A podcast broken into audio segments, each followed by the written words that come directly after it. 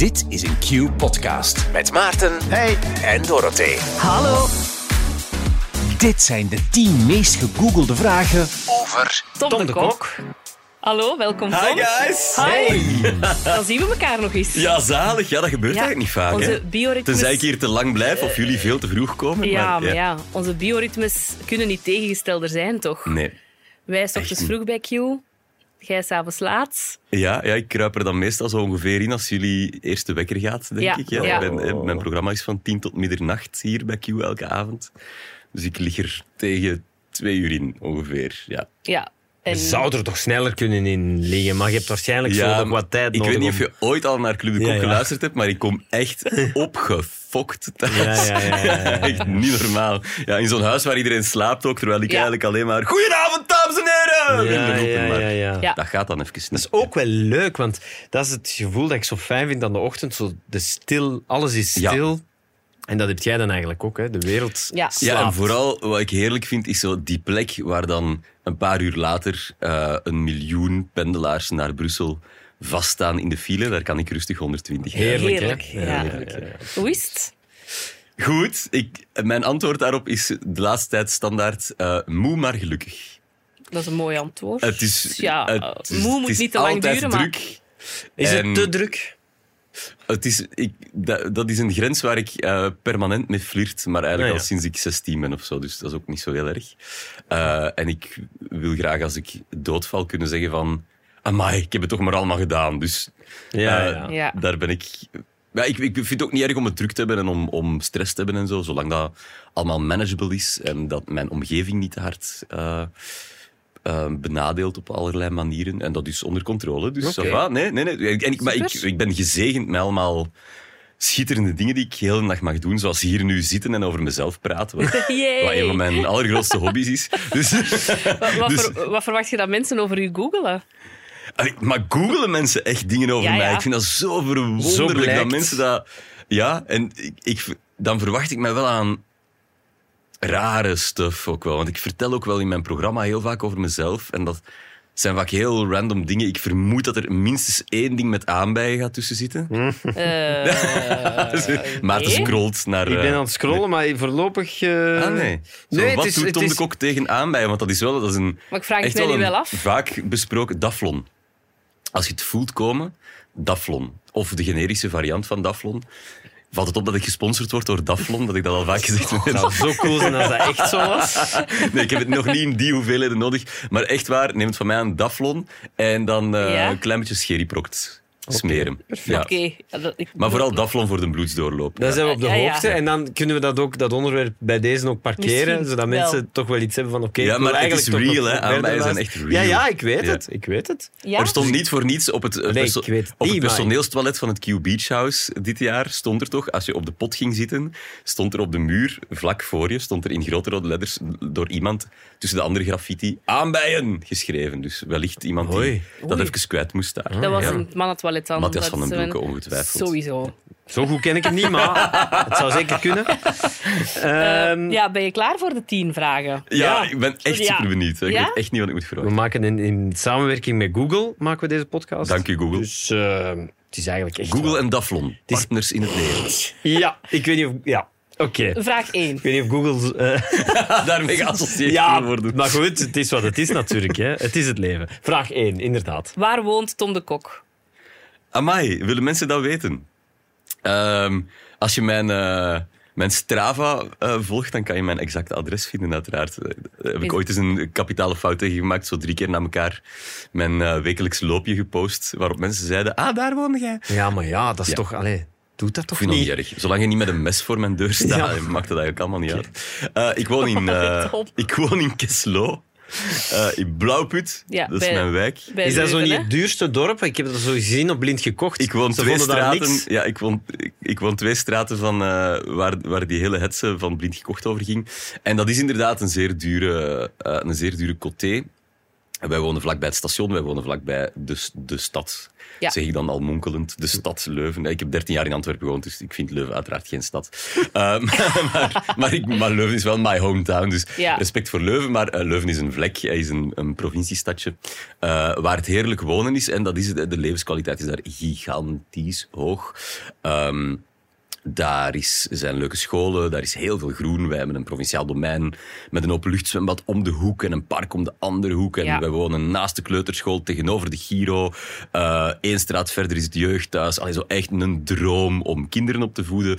En je kunt nog altijd eh, met een auto makkelijk naar Vilvoorde pendelen. hè, Wat mijn man en ik dan ook elke En met de fiets moeten naar doen. stad. En met de fiets overal geraken. Mijn ouders wonen eh, twee dorpen verder. Mijn zus woont om de hoek. Het, mijn beste vrienden wonen een dorp verder. Dus dat, het kan eigenlijk allemaal niet beter. Ah, dus uw ouders zijn gevolgd, want je bent opgegroeid in Schoten. Hoe lang duurt deze podcast? ja, hoe lang, Hoeveel tijd heb ik om mijn... eh, wacht. Ik- Nee, maar het interesseert mij, want ik ben Ja. ook zo verhuisd van Aardstaar naar puur Sint-Amans, Sint-Amans eigenlijk. En ik vraag me af of mijn ouders ooit zullen volgen. Maar bij mij is het eigenlijk complexer dan dat. Dus wat er eigenlijk gebeurd is, is mijn moeder, haar kant van de familie, is van het Leuvense, zullen we Oh. maar heel ruim genomen zeggen. Ja, ja. Mijn vader, zijn kant van de familie, is van Antwerpen, Marksem. Eh, waar Ja. het Sportpaleis staat. Ja. En ehm, mijn moeder, haar familie, is door een heleboel omzwervingen vanuit Leuven via Brussel eh, en Keerbergen uiteindelijk in een bakkerij in Antwerpen terechtgekomen. In Marksem. Eh Merksem dus, waar mijn vader woonde. Die kwam daar op de winkel, leerde daar het mooie bakkersmeisje kennen. Eh, Ja. Grappig, want mijn papa was een sportleraar van opleiding. Dus als je op foto's ziet van mijn 17-jarige papa, is dat echt zo wasbordje, middellange afstandsloper, alles erop en eraan. En vijf jaar later was hij getrouwd met mijn moeder en had hij een dikke buik van slagroom te proeven in de bakkerij. Want hij is dan bakker geworden. Dus mijn ouders hebben die bakkerij van mijn moeder, haar ouders, overgenomen in Antwerpen. En mijn moeder, haar ouders, die zijn teruggekeerd naar hun roots, na hun pensioen. Ja. Dus terug naar het Leuvense. En de broer en zus van mijn moeder woonden daar ook al. Dus onze moeder had zoiets van, oké, we doen die bakkerij in Antwerpen, maar ik wil dat mijn kinderen ook op de buiten opgroeien. Dus mijn ouders hebben dan een huis gekocht in Rotslaar, bij Leuven. En hadden het plan opgevat, crazy hè, maar in die tijd was dat zo, de 80s. Eh, die, hadden, die hadden zoiets van, ja, we wonen dan in Rotslaar bij Leuven en we pendelen wel elke dag 50 kilometer naar onze bakkerij in Antwerpen. Echt Oh. geschift. Ook nooit overwogen om dan een bakkerij in Leuven op te doen of zo. Gewoon, ja, dat was dan zo.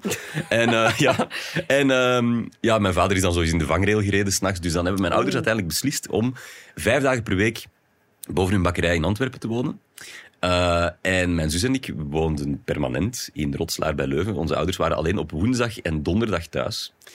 Eh, dus woensdag was groot feest, want dan aten wij samen. En zo was echt de- het enige moment dat wij onze ouders echt zagen. En de rest van de tijd waren wij ofwel alleen thuis, ofwel zorgden onze grootouders voor ons. Dus eh, vanaf mijn veertiende woonde ik eigenlijk praktisch alleen met mijn zus. Dus ik was een heel populaire... 16-jarige, want de Ja. feestjes waren altijd bij mij thuis, uiteraard. Ik denk dat ongeveer al mijn vrienden ook ontmaagd zijn bij ons thuis. Eh, niet door mij, niet door mij, niet allemaal door mij. Sommigen Eh, ook door je zus. Ja. Nee, nee, oh. Oh, nee, nee, nee, nee. Jezus, wat een oh, verhaal. daar had ik zelfs nog nooit bij stilgestaan. Ja, dat Ja, zou kunnen. sorry Ehm, dan. Maar dus wat gebeurt er? Dat lukt. Hè. Mijn ouders voeden hun kinderen op op de buiten. En net wanneer de opvoeding voltooid is, op mijn 23ste, kom ik mijn man tegen. En waar woont hij? In het centrum van Antwerpen. Dus mijn ouders, gadverdamme, Ja, al die terug. moeite voor niks. Ik ben dan bij mijn man gaan wonen. We hebben 13 jaar in Antwerpen gewoond. Dan hebben wij een dochter gekregen. En dan, eh, elke jonge ouder zal beamen, dan roept de kerktoren. Ja. Eh, omdat het dat gewoon simpeler is om dicht bij hun netwerk te gaan wonen. En tegen dan waren mijn ouders eh, stilaan zo wat met pensioen aan het gaan. Dus die Ja. zijn dan, hebben dan uit hun bakkerij zijn die, eh, ook naar het Rotslaarse gemigreerd. En dan viel alles een beetje samen. Dan Ah, kiezen tussen mijn kerktoren of die van mijn man. Maar die van mijn, van mijn man staat in de diepe Kempen. Dus dat was geen optie. Ja. Ja, ja. En dan is Leuven geworden. Voilà, Ik podcast gedaan. Ja, ja ik kan daar echt nog... eh, Nee, maar het is, het is ik kan daar meteen een ook... uur over vertellen, ja. Ja, wel, maar we gaan gerust verder, want de tweede vraag is: wie is de man van Tom de Kok? Eh, mijn man is ehm, de baas van VTM. En veel mensen zeggen dan meteen... Ah, Davy Parmentier. Nee, Eh, een andere. Davy Parmentier is niet de baas van VTM. Davy Parmentier is de creatief directeur van VTM. En dus superbelangrijk voor VTM. Maar de echte baas, de man die beslist wie er op televisie komt, wat er op televisie komt, hoeveel centen dat mag kosten, wanneer dat wordt uitgezonden, eh, dat is mijn man, Maarten Jansen. Die was dat uiteraard nog niet toen ik hem leerde kennen. Wij hebben elkaar leren kennen achter de scherm van één jaar gratis. Wat toen eh, nog een programma was dat door Herman van Molle en Katja Retsin werd gepresenteerd. Ja. En ik was toen publieksopwarmer en applausmeester, zo de Sven de Leijer van, eh, Ja, ja, ja. van de, de vroege Zero's. En, eh, en mijn man was redacteur, eh, puntenteller.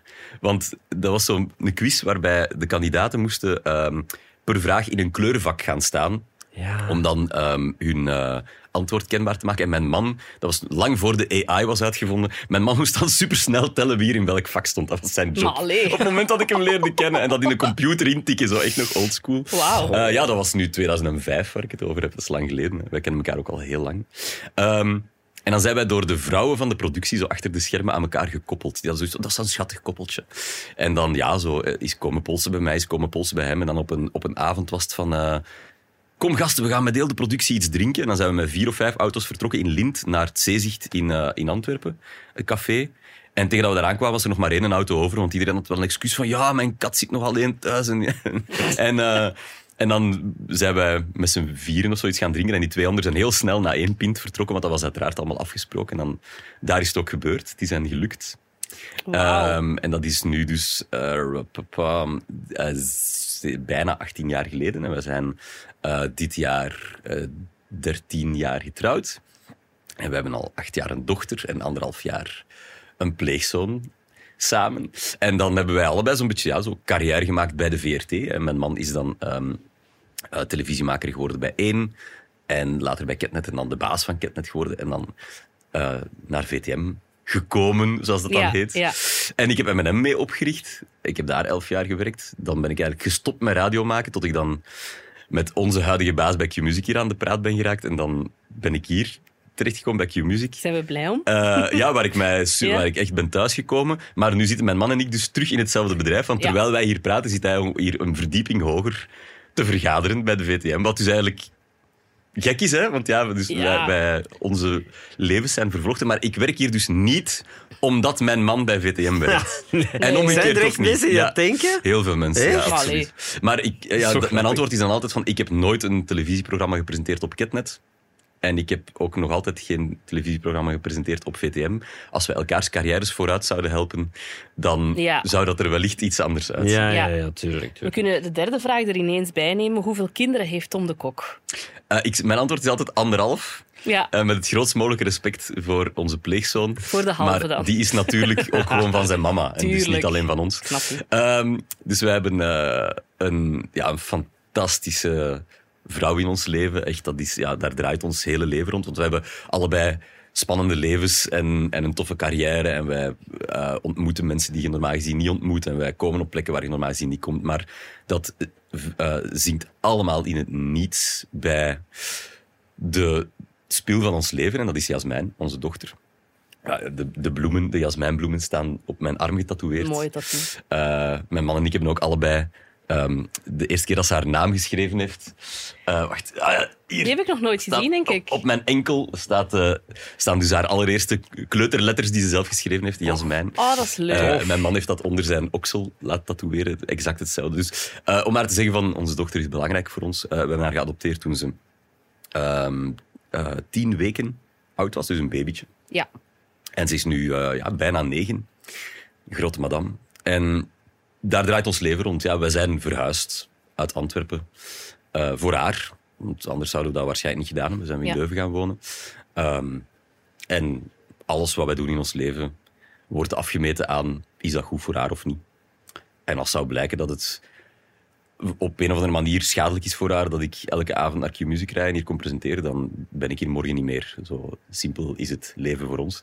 Eh, en dus sinds anderhalf jaar hebben wij daar een ehm, pleegzoon bij.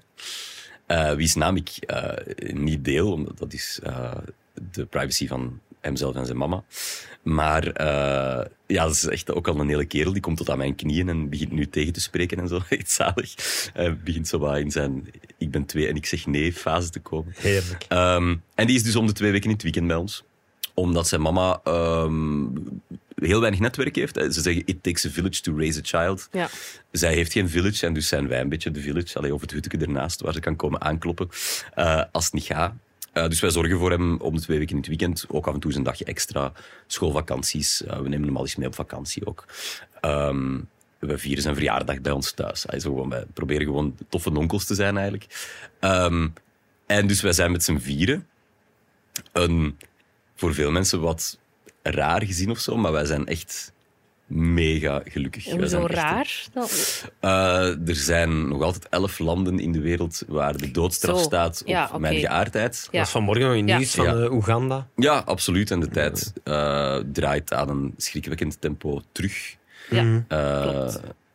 En, en vandaag ook in het nieuws, op de dag dat we dit opnemen, eh, dat die iftar voor holibies Ja, in, voor ehm, queers, ja. in eh, de Roma in Antwerpen niet kan doorgaan, omdat moslims helemaal gek worden bij de idee Ja, ze hebben het zelf afgelast, Eh, omdat ze schrik hebben voor ja, de veiligheid. Omdat er ook homo-moslims zouden bestaan. Enfin, dus de wereld is een enge plek. Ehm, en dus vind ik het ook belangrijk om ons te laten zien. Daarom praat ik ook heel graag over mijn gezin. Daarom toon ik mijn gezin ook, hoewel ik de kinderen hun gezicht nooit zal tonen. Maar ehm, ik eh, vind dat er veel te weinig... eh, er, er zijn ondertussen honderden homokoppels met kinderen in Vlaanderen.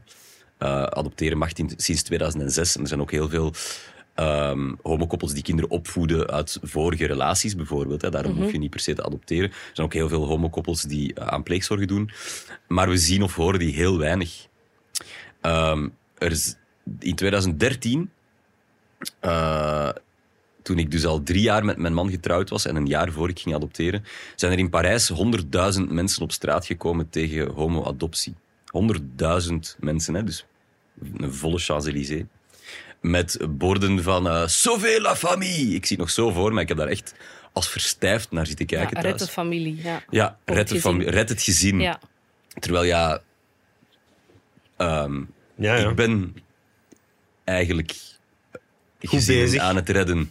Dus welke gezinnen moeten er gered worden? Het zijn Ja. de hetero's die op hun kinderen meppen en die ze mishandelen en die er eindeloos veel... eh, ja, ik kijk naar Maarten, eindeloos veel maken en nooit stoppen. nee, ik wil, ik Ja. maar zeggen van, hoe durft je, hoe durft je tegen mij te zeggen zoveel aan familie? Ja, terwijl ik een... ehm, Tuurlijk. een gezin heb waarin kinderen veilig zijn en naar waarde geschat worden, waarin alles rond die kinderen draait. Ehm, hoe durft je in Hongarije mij...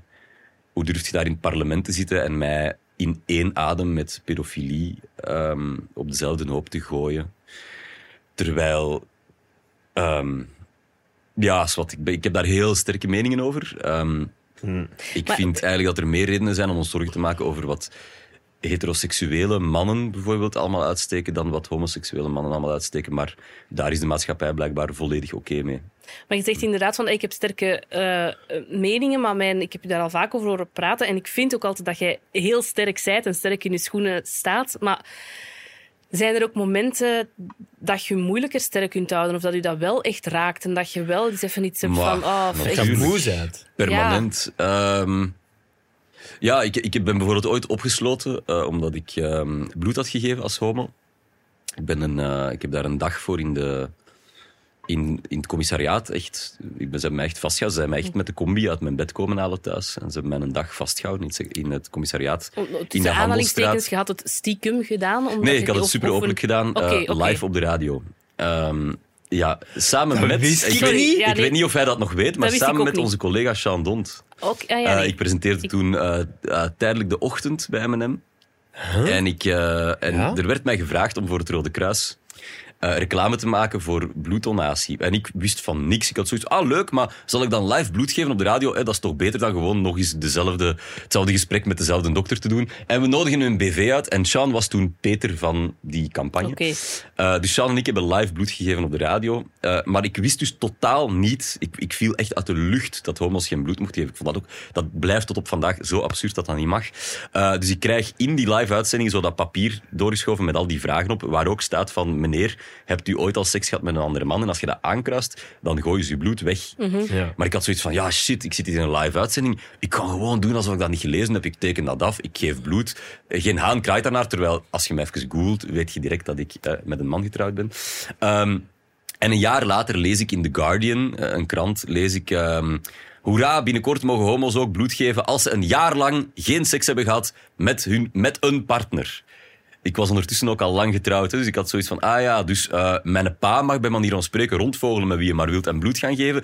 En mijn man en ik, die getrouwd zijn en een super klein Nee, nee, nee, nee, want als je aangeeft ik heb onveilige seks gehad, dan, dan wordt het ook ja, weggegeven. maar dus weggegooid. Ervan uitgaan dat mijn trouwboekje Ja, minder ja. waard is dan jouw trouwboekje, dat Ja. is... Dat kan ik niet dat ontkennen. is perverse discriminatie. Ja, ja. En je kunt daar eindeloos over discussiëren, maar de bottom line is nog altijd, dat is discriminatie op grond van Ja. geaardheid. Want als je inderdaad geen onveilige seks hebt, of als je gewoon binnen een relatie seks hebt, dan is het oké, hè? Ja, maar wacht even. Er Maar dus staan niet als op homo, dat hè? vragenformulier Nee, nee, maar- staan 13 vragen. Ik ken het van buiten, dat formulier. Er staan 13 vragen over uw seksueel gedrag.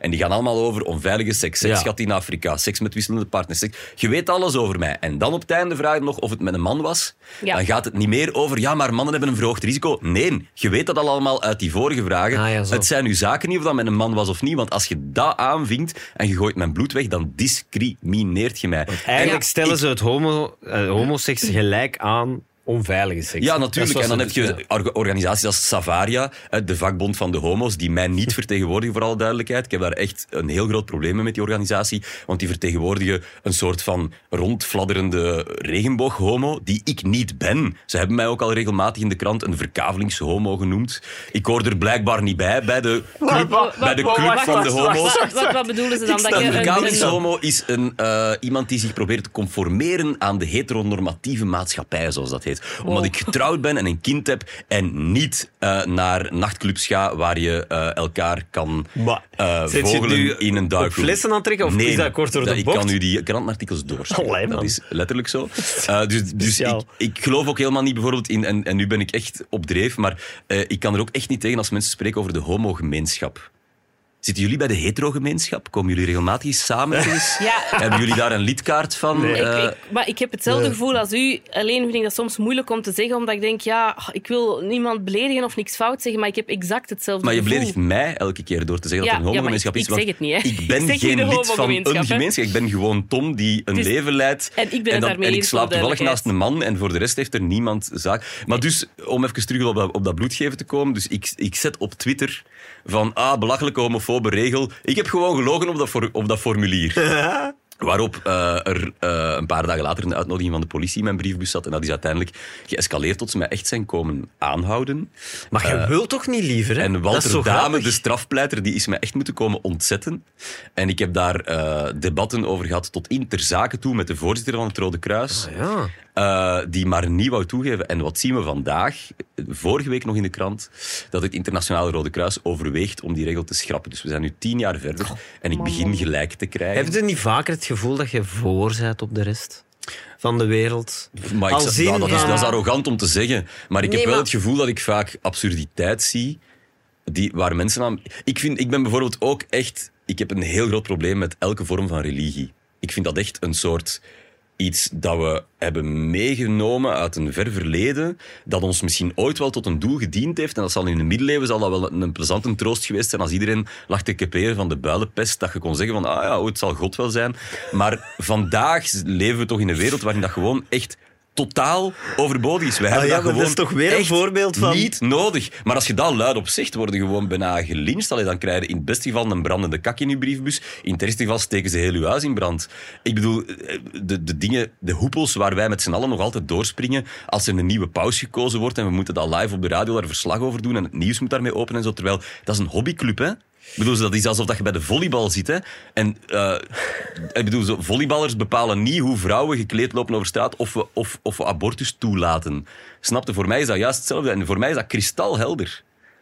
Er is geen enkel geloof in de wereld dat mij respecteert. Dus ik respecteer ook geen enkel geloof terug. Ik heb respect voor mensen. Hè? En iedereen doet wat hij wil, zolang het een hobby blijft. Ja, zolang je mij niet probeert te dicteren wat ik moet doen. Maar ik heb ook het gevoel dat ik daar zo'n soort eenzame roeper in de woestijn ben. Dat ik zo recht zo sta. Maar allee, gasten, je ziet dat toch gewoon. Dit is toch gewoon belachelijk. Maar snap je, ik, ja, ik, snap ik- je bijvoorbeeld, ik, eh, mijn zoon die vroeg onlangs wie is Jezus eigenlijk? Mhm. En toen eh, bij de begrafenis van mijn grootvader de diaken naar voren kwam, zei mijn dochter: Is dat God? Is dat nu Jezus? Dus die kinderen hebben geen benul van katholiek geloof, whatsoever. En dan denk ik wel, oh, dat is niet goed. Ik moet, dat wel, ik moet die dat wel aanreiken. het dus niet op, op want- school Waarom leren. moeten ze dat aanreiken? Omdat ik wel het gevoel heb dat dat deel is van hun cultuur. Die, die lopen rond in een wereld vol kerken is- en kruisen. En die moeten dat toch kunnen kaderen. Ja, natuurlijk, in een historisch kader. Als Dat een bedoel ik. historisch Ja, is gegeven, iets als iets hè? dat historisch uit onze cultuur komt. Dat net bedoel zoals ik. Congo deel is van onze cultuur. Voilà. En handjes afhakken ooit deel was van onze cultuur. Is het katholieke geloof. En de vrouw moet aan de haard blijven zitten. En homo's zijn geestesziek. En, eh, en je moet zoveel mogelijk kinderen maken. En geen abortus plegen. En nooit condooms gebruiken. Eh, allemaal dingen die eh, tot 20, 30 jaar geleden gewoon openlijk allee, in Vlaanderen gepredikt worden. En vandaag nog altijd in Afrika gepredikt worden door de kathol- katholieke kerk. Ehm, maar je moet weten dat als je zegt ik ben katholiek en lid van de katholieke kerk, als je je niet laat ontdopen, zoals ik heb gedaan, dan staat er dus een streepje achter de paus zijn naam en dan elke keer als die ergens opduikt en zegt van abortus is des duivels, vertegenwoordigt hij u. Uw streepje staat daar. Jij zij een van dat miljard katholieken of christenen die mee aansluit bij... Ah ja, ja, maar ik spreek namens een miljard mensen. Hè. Abortus is fout. Vind jij dat abortus fout is? Ja, Sava, sluit u aan bij die club. Het is zoiets van, nee, nee, ho, wacht. Dat is het recht van elke vrouw. Dat is normaal om dat te doen. Dat is beschaving. Dat voorkomt veel leed. Laat u dan morgen ontdopen. Het formulier staat online. Zij consequent. Walk the fucking talk. Er worden, Ja, er ja. worden homo's opgehangen Ja. in Afrika. Hè? Absoluut. Opgehangen, hè? Ik kan daar niet anders dan... Ik weet dat dit een leuke podcast is, maar ik kan niet anders Nee, nee, maar dan dat is daar goed, dat is bloed serieus over Maar zijn. natuurlijk. Mensen moeten wakker worden over zo'n dingen. Echt, Ja. dat is... Dat, en ook hier in België. Hè. Maar dus, ik weet niet, jij bent gedoopt ook zeker? Ja. Ik ben ook gedoopt. We hebben inderdaad op... Allee, niet dezelfde het- mening als de paus als het gaat over abortus en ophangen van homo's. Allee, ik, ik ben daar niet voor. Maar dat vind je dus dan, het feit dat ik mij niet heb laten ontdopen, vind je hypocriet. Dat klopt, hè? Of ik, niet ik consequent. vind u Niet niet consequent. hypocriet en ik zie u graag. En ik vind u een toffe collega en een Ja, ja, fijne maar nee, maar gewoon... Maar als je er rationeel over nadenkt, ja, tuurlijk. dan klopt het niet. Ja, ja, ja. Dan klopt het gewoon niet. En dan ben jij een stilzwijgende supporter Mhm. van een, een min of meer fascistische organisatie die ehm, mensen over de hele wereld echt diep leed berokkent. En die zich moeit met dingen waar ze helemaal geen plaats heeft. Religie hoort een zingeving, een vrije tijdsbesteding te zijn, kan in uw persoonlijk leven een zingeving zijn, kan binnen uw, Ja, want- uw gezin of binnen uw huis. Maar zodra religie iets is dat zich op de openbare weg begeeft, moeten we daar echt streng in zijn en zeggen van tot hier en niet verder. Ben- Omdat, omdat het gewoon duidelijk is dat ons dat kwaad doet. Dat, is gewoon, dat zit gewoon in cijfers. Ik, ik verzin dat hier niet. Hè. Voor de duidelijkheid ben ik ook eh, absoluut niet gelovig. Ehm, maar er zijn mensen die wel cherrypicking doen en sommige dingen uit het geloof kunnen appreciëren. En die zoiets hebben van naastliefde en zo. Eh, ja, dat, dat vind ik dan heel moeilijk. Dat, allee, heel moeilijk eigenlijk niet, want zoals je zegt, je kunt consequent zijn. Ik vind het wel moeilijk dat de mensen die alles doen wat jij net opsomt, dat die het, om het heel kinderachtig te zeggen, verpesten voor de mensen die er de mooie dingen uit Maar je hebt overhouden. voor naaste liefde heb je de kerk niet nodig, Dat of klopt. de islam of het boeddhisme. Dat Doe, eh, doe gewoon aan naaste Ja. liefde. Wie moet u dan nu, waarom moet je daar Mhm. een boek voor lezen? Doe zo, jij zult niet doden. Ja, dat weten we nu toch ook wel. Dat zijn allemaal waarden die gekaapt zijn ook door religie. Die bestonden Dat klopt, daarvoor ook dat al. is Hè? waar, ja. bedoel, ze, die, die, zijn, die, zijn, die zijn gewoon ingezet voor een soort politiek doel, namelijk zoveel mogelijk mensen in je clubje krijgen. Maar, Ja. ehm, maar absoluut, allee, want, want ik, ik heb bijvoorbeeld niks tegen spiritualiteit en tegen het, tegen het beleven van, tegen het zoeken naar zingeving en, en allerlei vormen, want uiteindelijk gaat het over filosofie. Hè? Mhm. Zo, wie zijn we, waarom zijn we hier, hoe moeten we ons tegenover elkaar gedragen? Maar ça va, doe maar. En als je dat in een clubverband wilt doen, doe maar. Maar zodra dat jij tegen andere mensen begint te zeggen van en jij moet een boerka dragen en jij mocht niet meer naar school en jij mocht niet verliefd zijn op wie je wilt, maar dan moeten wij toch met z'n allen zeggen van wow, dude, chill even. allee. Van deze organisatie gaan wij geen deel uitmaken. Ja, of Ja. uw organisatie krijgt geen geld Ja. van de staat, want een deel van ons belastinggeld wordt nog altijd gebruikt om dat soort onzin te subsidiëren. En nogmaals, voor mij mogen we sporthallen bouwen en volleybalclubs subsidiëren, maar die volleybalclubs die moeten niet komen vertellen of ik getrouwd mag zijn of niet. Dus laat ons die regel ook gewoon toepassen op Ja. de kerk. Voilà. Het zal er uiteindelijk wel van komen. Hè. Eh, dat weet ik niet zeker. Dat weet ik echt niet zeker. Nee? Want, eh, Allee, pak nu over 30 jaar. Zal Maar ja, dit, Maarten, we hebben dit net wat het dit voorbeeld nog gegeven. controversieel klinkt, zal toch gemeen goed Ook zijn. erg dat dat controversieel klinkt. Hè. Ook erg dat ik hier Ja. nu zit te denken van... Amai, wat heb ik nu weer al Ja, gezegd? maar als jij zegt, voor mij is de kerk gelijk een volleybalclub, dat, ik heb het gevoel dat dat door betrekkelijk wat mensen als controversieel wordt ervaren. Maar waarom? Ah, Maar ja, maar goed, percentage mijn punt is ook- dus, ja. over 30 jaar zal dat toch niet meer zo zijn. Ik weet dat niet zeker, want in Hongarije stemmen mensen massaal op een partij die vindt dat homo's pedofielen zijn. Eh, in Amerika ehm, zal het kantje boordje zijn eh, om Donald Trump niet terug in het Witte Huis te hebben. Dus Die- het is een eeuwigdurende strijd. Wij moeten... Ik heb zeker niet het gevoel dat mijn rechten en die van mijn dochter... eh, dat die zomaar Verworven zijn. evident en verworven zijn. Nee, ik heb het gevoel dat ik dit soort gesprekken moet blijven hebben. En dat ik eigenlijk soms, zoals ik nu net gedaan heb, 10% luider moet roepen dan eigenlijk moet. Om dat punt binnen te krijgen bij mensen. Ja, dat ik soms echt met bommen van woorden moet gooien om dat punt. Want anders dan, als wij hier zo'n een mak gesprekje hebben over ja, geloof is toch eigenlijk een beetje raar. Dan ga jij nooit naar huis gaan met gedacht van, amai, ja, eigenlijk heeft hem wel een punt. Dan, gaan we ja. weer, hè, dan borstelen we dat weer onder tafel. Terwijl ik heb het gevoel van, nee, ik moet echt met een voorhamer mensen soms een geweten schoppen. Want het, het gaat echt over belangrijke dingen waar iedereen van ons een verantwoordelijkheid in draagt. En het is gemakkelijk om vanuit onze leasing Volvo eh, de airco een graadje warmer of kouder te zetten en te denken dat het allemaal in orde is. Maar dit, allee, er is een hele bange, boze wereld daarbuiten die... ehm allee, kunt u dat voorstellen? Dat er dus... Er zijn, Maar het is ze- goed dat er zijn roepen. 70 landen in de wereld waar dat als ik uit het vliegtuig stap, waar ze mij ter plekke kunnen arresteren. Dat is iets waar jullie geen Ja. last van hebben. I know. Maar wat wel in stand gehouden wordt door het feit dat jullie gedoopt zijn. Sorry, dat is gewoon zo. Door het feit dat uw streepje achter katholiek, streepje, voilà. En, dus, en dat heeft een heel cascade, een butterfly-effect tot aan regimes die het oké vinden om Ja. homo's te arresteren. Ik ga je niet onderbreken, maar ik ga gewoon even de vierde vraag erbij nemen, want die is eigenlijk al beantwoord. Geeft Tom de Kok eh, bloed? Dat gevoel heb ik ook, ja, de, beantwoord de vijfde vraag wil ik er gewoon even bij nemen, omdat ze aansluit op, op, op wat je aan het vertellen bent. Wat heeft Tom de Kok met het WK voetbal? Ja, dat is die uitleg die je ook Die- op de radio Ja. hebt die gedaan. sluit hè. er, dat Daar hebben wij het aan, eh, jullie Ja. programma ook, eh, waarvoor dank, Ja. over gehad. Ja, ehm, ja, wat heb ik niet met WK voetbal? Ik ben om te beginnen een groot supporter van onze Rode Duivels. Go, go Devils. Ehm, eh, ik, ehm, ik, ik mis zelden een match en ik ga ook regelmatig in het stadion kijken. Ehm, maar ze hebben mij wel diep teleurgesteld. In, in Qatar eh, is er een hele controverse ontstaan eh, over De, de de- ja, de one love. maar het is, het is ik, alles. ik twijfel waar ik moet beginnen, want eigenlijk, het. eigenlijk komt erop neer dat de hele voetbalwereld is eh, eigenlijk ook... Ja, het klinkt alsof ik iedereen en alles hypocriet vind, maar dit zijn nu gewoon twee onderwerpen waarbij dat van toepassing is. De, eigenlijk is de hele voetbalwereld... ehm, zeer hypocriet als het op eh, racisme en homofobie aankomt. Hè? Want eh, voetballers nemen om de haverklap deel aan eh, allerlei mooi georchestreerde campagnes tegen racisme en homofobie. Maar als puntje bij paaltje komt, wordt dat eigenlijk uit stadions eigenlijk nauwelijks echt geweerd, worden er nauwelijks echte initiatieven genomen. En is dan uiteindelijk, zijn de maskers afgevallen in Qatar, het verkochte eh, WK voetbal. En dat blijkt nu ondertussen dat dat eigenlijk heel corrupt tot stand is gekomen. Eh, heel de voetbalkalender die daarvoor overhoop is gehaald. Hè. Het moest dan ine- ineens in de kerstvakantie.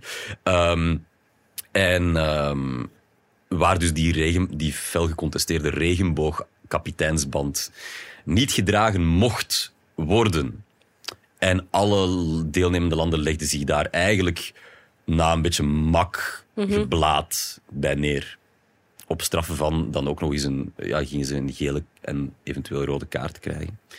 Als ze zich niet conformeerden. En ik vind dat wij, dat er maar één juist ding was voor onze Rode, Rode, Rode Duivels om te doen, namelijk opkomen met die armband, een En gele geel kaart pakken. pakken. een rode kaart pakken en naar huis gaan. Want dat is precies hetzelfde als waar we het net over hadden. Door dat niet te doen, hebben ze dat goedgekeurd. Je kunt dat echt, je kunt daar uren over discus- discussiëren, maar het komt er uiteindelijk op neer dat ze zich geconformeerd hebben aan dat soort Maar gedachtegoed mogen van... de Rode Duivels dan geen mening hebben? Want als je zegt, eh, hebben ze dat goedgekeurd, dan komt er zo in het discours van you're with us or you're against us. En dat vind ik Ah ja, maar ook dus dan is, de, vermoeiend. dan is de mening van de Rode Duivels duidelijk. Oh. En dan is dat niet meer mijn ploeg. Maar mag het geen mening, mogen ze geen mening hebben? Ben hier wat advocaat van de duivel, Tom. Mogen ze geen mening hebben? Al zien, want dat is hun standpunt. Hè, zo. Eh, Dan kom je in wij het gevaarlijke... gewoon om te shotten. eh, wij willen gewoon weer je wereldkampioen komt daar niet worden. gewoon om te shotten als je daar 10 miljoen voor krijgt. Natuurlijk. Ja, maar zoveel, die gasten verdienen daar in verhouding niet Ja. zoveel als bij een club. bij Nee, maar ehm, ik, ik vind dat, dat je over onze voetballers kan je die discussie inderdaad voeren. Over de FIFA zelf niet. Ja. En wat Infantino daar eh, allemaal gezegd en gedaan heeft. ehm, Maar ja, die heeft ook een huis op Qatar. aan, hoe dat, ja, wel, En hoe, dat, hoe openlijk, hoe openlijk corrupt kan een organisatie zijn? Een organisatie die eh, tot aan ons provinciaal voetbalploegske om de hoek toe de regels dicteert. Hè? Ja, ja. Bedoel, Zo, dan, dan hadden we op zijn minst, had onze Belgische voetbalbond daar kunnen zeggen van ja mannen, maar sorry, maar daar doen wij niet meer aan mee. Eh, maar dat, ja, dat kan dus niet, want die belangen zijn financieel supergroot en zijn... ehm, ja, nee, eh, ja, je kunt daarover discussiëren, hè, of die voetballers dan eh, al dan niet een mening moeten hebben en of de voetbalbond al dan niet aan politiek doet als het... Maar ja, is dat politiek? Hè? Dat, dan komt De de, Duitsers die hun hand voor hun mond hielden, dat was ook mooi. Hè? Eh, Dat is mooi en laf en veel te weinig. Ja. Het enige juiste was daar opstappen en naar huis gaan. Daar niet aan meedoen. Zeggen van steekt u een beker waar, dat- waar dat we denken. Ik bedo- ik bedoel, is dat, is dus zijn... ehm, eh, Qatar, hè, dan hebben we het dus over eh, moslimlanden, over het Midden-Oosten. Elf landen ter wereld waar de doodstraf staat op homoseksualiteit. Ik denk dat meer dan de helft van die landen ehm, islamitisch is. En daar zijn landen bij. In Afghanistan, daar nemen ze gewoon met u de lift naar het dertigste verdiep en ze duwen u uit het raam. Hè. Ja. Prachtige, mooie, jonge gasten die gewoon niks liever willen dan zichzelf zijn. Het gaat daarover, hè, Maarten. Het gaat niet over of dat Eden Hazard even mag voetballen of niet. Hè. Het gaat over echte mensen die echte, rauwe, diepe miserie hebben. Dat, dat gaat niet over grote politiek, dat gaat niet over, over belangen van een voetbalbond.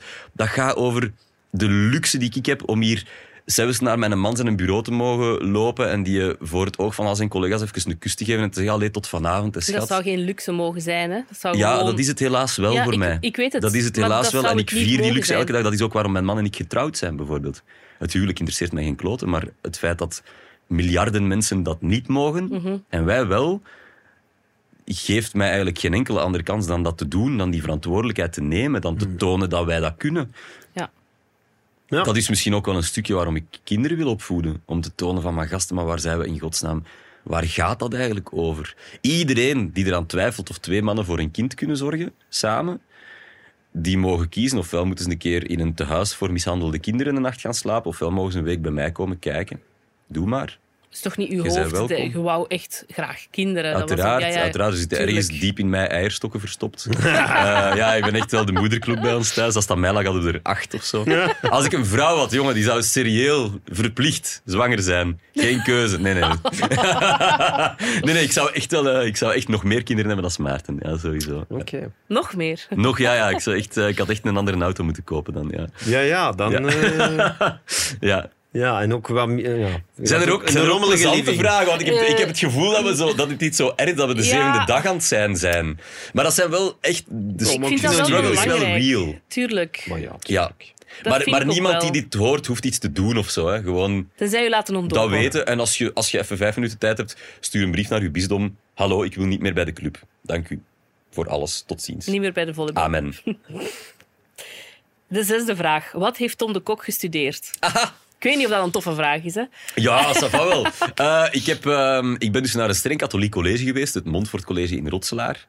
eh, waar eh, Felice vroeger altijd van zei dat hij daar homo geworden was op het internaat. Ik heb niet op het internaat gezeten. En waar Theo Franken ook zijn gedachtegoed geda- gehaald heeft. Waar precies weet ik niet, want ik heb het daar niet gevonden. Eh, en... eh, ik, eh, zijn zeer ik heb, ik heb, uiteenlopende- ik heb op mijn, ja, dat is echt gek. Hè, ja. Eh, ik heb ehm, ik heb op mijn zestiende mijn eerste boek geschreven. Dus toen ik daar Ja. op school zat. Juist, ja. En ik dacht echt dat ik het was. Ik dacht echt van, de wereld ligt aan mijn voet, ik ben een rockster. En daardoor is het eerste jaar van mijn hogere studies een beetje mislukt. Ik ben film gaan studeren in Brussel, Sint-Lucas. Ehm, en dat was echt niks voor mij, omdat ik, ja, dat was een heel vrije, kunstzinnige opleiding. Ik kwam uit zo'n superstreng katholiek college. Ik had structuur nodig en bij Sint, op Sint-Lucas daar, tijdens de pauze gingen de- kwamen de docenten gewoon mee een joint roken buiten. Ja, Ja, dus dat, dat was iets helemaal anders dan wat ik Ah, gewoon was. Brussel. Ja. Brussel. Ja. We moesten ook altijd door de Aarschotstraat als we de trein namen. Zo heel Ja. veel geleerd op zeer korte tijd. Over Ehm, het vrouwenlichaam dan. eh. ja, over de vrouwelijke anatomie. Ehm, dus dat is mislukt. Ik ben, daar, ik ben daar eigenlijk maar een paar maanden gebleven, omdat ik... Ik ben daar eigenlijk ge- drie maanden gebleven, omdat ik scenario les kreeg van Mark Didde, de grote cineast Mark Didde. Sommige mensen zullen die misschien kennen. Eh, maar dat is echt een held van mij. Dus ik ben dan gebleven tot zijn cursus voorbij was en dan ben ik daarmee gestopt. Dat is toch diegene die de moeder van Clement Peren speelt, hè? Nee? Is dat maar- zo? Ah ja, dat zou wel kunnen. Ja, dat is wel zeker. zeker dat, dat weet ik dan weer niet. Ja, ja. Maar hij heeft ook zo één grote film gemaakt en is daardoor echt zo een, Ja. een absoluut eh, icoon in Vlaanderen. Ja, Maar ja, een fantastische man. Ehm, en eh, dan ben ik achter de schermen van televisie beginnen werken. En daar heeft de grote Andrea Kronenbergs heeft mij op een gegeven moment in haar mooiste Nederlands gezegd van ik vind dat jij Germaanse talen moet gaan studeren. Zij was toen nog omroepster op de VRT en dat betekende wel iets. En zij had dat ook gedaan, Germaanse taal, dus dat is Nederlands en Engels. Dat deed vandaag taal en letterkunde. En dan ben ik dan gaan studeren. Ik heb dat altijd gecombineerd met werk, dus ik heb ook eh, elk jaar herexamen gehad en vijf jaar gedaan over vier jaar. Eh licentiaat, master zou dat nu Ja. dan zijn. Dus ik ben een master in ehm, de taal en letterkunde. Ehm, ik heb nooit iets met dat diploma gedaan. Ik werkte ook al bij de radio voor ik dat diploma had. Ehm, maar ik ben wel heel blij dat ik dat gedaan heb. Ik heb, eh, ik heb daar op zijn minst geleerd om door te bijten en grote hoeveelheden informatie snel te verwerken. Dingen die Ja. in onze job bijvoorbeeld heel erg van pas komen. Ehm, ik heb daar eh, een afkeer voor literatuur met een grote L aan overgehouden. Dat, alleen afkeer is veel gezegd, maar ik vind niet elke wereldklassieker een wereldklassieker. Ik vind dat er ook veel... Louis Paul Boon heeft ook gewoon snert geschreven. Allee, sommige dingen zijn goed, maar sommige dingen zijn ook echt gewoon afgrijzelijk. Ehm, en daar wordt veel te weinig luid op gezegd ook. Ehm, ik heb eh, dus mij zo wat daar moeten in zo het iets elitairdere cultuurmilieu moeten inwerken. En sommige dingen daarvan heb ik meegenomen, andere dingen heb ik terug uitgespuwd. Maar het is interessant dat dat gebeurd is. Maar ik zou nog altijd liever een leuke thriller van Tony Koppers vastpakken dan eh Dostoevsky of zo. Ja, je moet Ja, dat eens gelezen ja. hebben, maar blah, eh.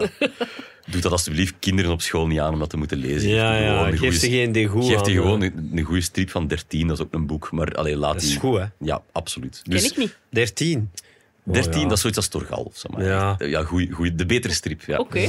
Dus ik geef, nu, eh, ik geef nu vandaag dan vanuit mijn, mijn autoriteit als auteur en eh, Germanist. De rockster die je bent, Ja, Tom. de rockster die ik dan toch geworden ben, twintig jaar later. eh, geef ik ook ehm, voordrachten aan eh, leesbevorderaars, zoals dat dan heet. Dus aan leerkrachten, eh, bibliotheekmedewerkers.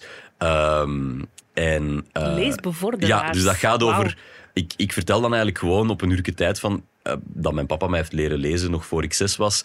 En dat mijn liefde voor lezen eigenlijk door strips komt en door goede jeugdboeken en door thrillers en niet door Hugo Claus en Harry Mulisch te lezen. Wat Ja. wij nu nog altijd op middelbare scholen doen. Hè, van, hier, maak maar eens kennis met de literatuur. Hier is Madame de Bovary. Ja, dat is genoeg om de rest van uw leven gillend weg te lopen van elk boek. Maar als we dat nu anders zouden aanpakken... Dus dat, dat is zo Ah, wel mijn kruistocht daar Ja, een beetje. leuk. Ja. Dus strips zijn ook boeken. Zelfs de Numo is een boek, een goed geschreven magazine. Telt ook als boek. Dus als je nog eens een boekbespreking moet maken, kies de Numo van die week. en zeg dat ik gezegd heb dat het mag. Wij zijn niet Ja. verantwoordelijk voor. Ja. Nee, voilà. Op kot geweest? Nee, nee ik, wij woonden vlak bij Leuven in Rotslaar, dat is 12 kilometer van Leuven. En ehm, ik, eh, mijn zus, eh, mijn kleine zusje, die is twee jaar jonger dan ik, ehm, die is heel, erg, heel zwaar slechtziend, bijna blind. En dat was ze toen ook al. Eh, en ja, aangezien mijn ouders heel weinig thuis waren, was de deal zo wel een beetje van eerst een gsm en uw zus krijgt er ook een. We hadden als enige op de middelbare school, als eerste, een, een gsm. Dat draagt wel bij aan Ehm, het rocksterren-imago. ja. Ik wil er niet blijven op terugkomen, Ja. maar allee, ja. Ik was ook wel echt, echt Ja. de hottest thing in town. Ehm, eh, ik kreeg ook de duurst mogelijke brommer op mijn 16. Ik mocht gewoon in de winkel kiezen van pak maar mee. Eh, ik heb ook direct op mijn 18 een auto gekregen. Zo wat om het goed te maken Ja. dat, dat je er wat alleen voor stond. en- Allee, alleen. Maar, ja. maar de deal was altijd, als je zus belt, waar je ook zij, wat je ook aan het doen zij, je laat alles vallen waar je mee bezig bent en je gaat die helpen. En dat zal ik tot op de dag van vandaag altijd doen. Als die mij nu WhatsApp van ik sta hier aan een straat en ik raak niet over, dan mogen jullie echt met heel jullie podcast echt doen wat jullie willen, maar dan ga ik mijn zus kunnen overhelpen. En dat deed ik dus ook al toen ik 16 Oké. of 18 was. Ehm, en dat was dus ook de reden waarom ik niet op kot ben gegaan, is enerzijds omdat dat, dat was niet echt iets voor... Ik was wel op mijn gemak thuis. Ja, we hadden een heel huis voor ons alleen. En ik eh, had al zo'n beetje een deal met mijn ouders van ik doe s morgens mijn zus naar school en dan rijd ik door naar Leuven.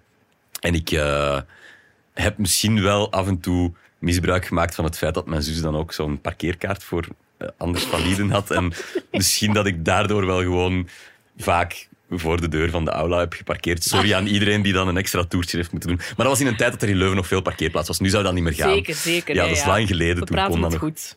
Eh, nee, dus dat was wel een beetje illegaal en misschien ook een beetje fout van mij. Ja, jij hielp ze toch ook heel hard. Ja, zeg. maar, maar daar troostte ik mij dan mee. Beetje karma. Dank u, Maarten. Maar Maarten Ja. is zo heel hard van, zeg, je hebt iets gedaan, dan Ja, moet je je hebt het iets verdiend, pakken, ja. zeker. Nee, nee, maar Eh, ik bedoel, het is nu niet. Allee. Nee, nee ik, ik, ik heb het over een paar keer. Het is zeker niet dat dat zeg. systematisch mijn ding was of zo. Maar ehm, ik, eh, ja, ik heb me er altijd wel oké bij gevoeld. En ik had genoeg maten die een kot hadden waar ik dan wel terecht kon. Maar ik ben zo wel een van die mensen die... ehm, ik slaap graag in mijn eigen bed en ik kak graag op mijn eigen wc. Dus ik ben Met nooit... ik en ben al. nooit... Ja, ja, Ja. Dat, is, dat is een paar keer per jaar. Daflon, daflon, daflon. Ik ben... ehm, maar ik ben zo altijd... Ik ben ook niet zo echt... Ik ben wel een avontuurlijke mens. En ik zeil al eens graag een zee over of zo. Maar ik, eh, ik ben wel niet van zo... ehm, in de natuur kakken of, of, eh, of zo in een slecht bed slapen. Of zo. Ik, ik ben graag op mijn, zo s'avonds wel gewoon terug op mijn gemak thuis. Ik heb dat ik altijd wel. gehad. Ik ben Ja. echt een cocooner. Zo, en en, en dat, dat was toen ook. Ik heb daar eigenlijk weinig spijt van dat ik niet op kot ben geweest. Waar ik wel spijt van heb, is dat ik. eh, mijn man heeft zo'n nog uitwisseling gedaan met eh, web, zoals AFS eigenlijk, naar Argentinië. En als ik zie wat hij daaraan heeft overgehouden, aan die buitenlandse uitwisseling, dat had ik wel moeten doen. Dat zou ik echt Ja. iedereen aanraden. Ik hoop dat mijn dochter dat ook gaat doen. Mijn hart gaat breken, uiteraard. Tuurlijk. Ik ga gewoon stiekem mee en twee deuren verder wonen. Ehm, maar dat zou ik wel echt iedereen aanraden. Ik zie, als ik zie wat mijn man dat heeft opgeleverd qua levenswijsheid en zo in de wereld staan en van niks schrik hebben en, en zo durven uw valies pakken en aan de andere kant van de wereld naar een land gaan waar je de taal niet van spreekt en andere culturen leren kennen en zo. Ik denk dat ik nu ongeveer op het niveau van mijn man zit, maar ik heb daar wel dan ja, twintig jaar langer over gedaan Ja, als hij. ja. En, eh, en we hebben de, ja, ik heb daar nu zelfs een familie, dankzij hem eigenlijk, in Argentinië. Oké, Eh, wauw. Dus dat, dat heeft hem heel veel vriendschap en liefde opgeleverd ook. Ehm, en ook zo wel een beetje relativering in het leven of zo. Van dat, dat wij echt van geluk mogen spreken. Dat wij hier allemaal zo kunnen leven zoals wij vandaag leven. Ehm, dus dat wel, daar heb ik wel spijt van. Maar Ja, dat kot, ja. pff, ja, nee, het was, het was oké. Ik had mijn auto en mijn huis. De zevende vraag. Yes. Eh, wat richtte Tom de Kok op in 2009? Je hebt het ook al gezegd, hè? Dat is een beetje een rare vraag. Wacht, raar wat heb ik opgericht in geformuleerd. 2009? Ja, M&M, hè? Ah ja, ja, tuurlijk. Ja, ik zou het bijna vergeten, begot. Ja. Ehm, ja, dus ik heb in 2008 ben ik begonnen bij de radio. Ik was publieksopwarmer met een applausmeester. En zo Sven de Leijer. En dan de baas van Radio Donna toen liep door de studio. En die zei, allee, zeg, jij moet eens een test komen doen. Je had wel een leuke bromstem.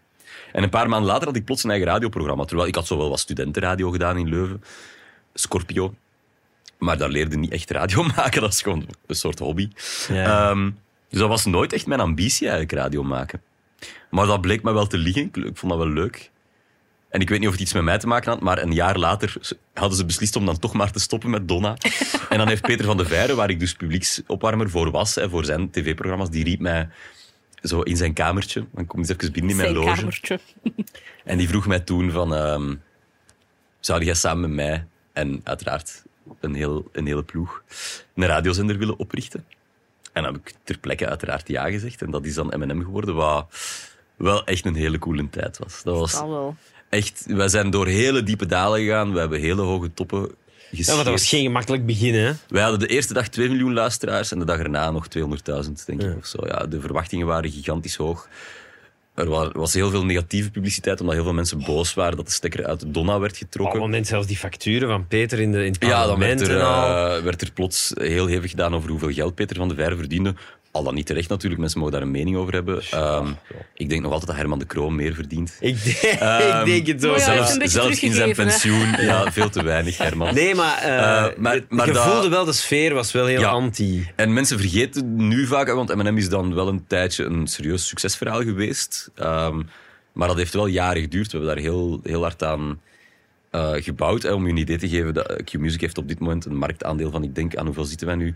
13% of zoiets, 12, 12% en een kletsje.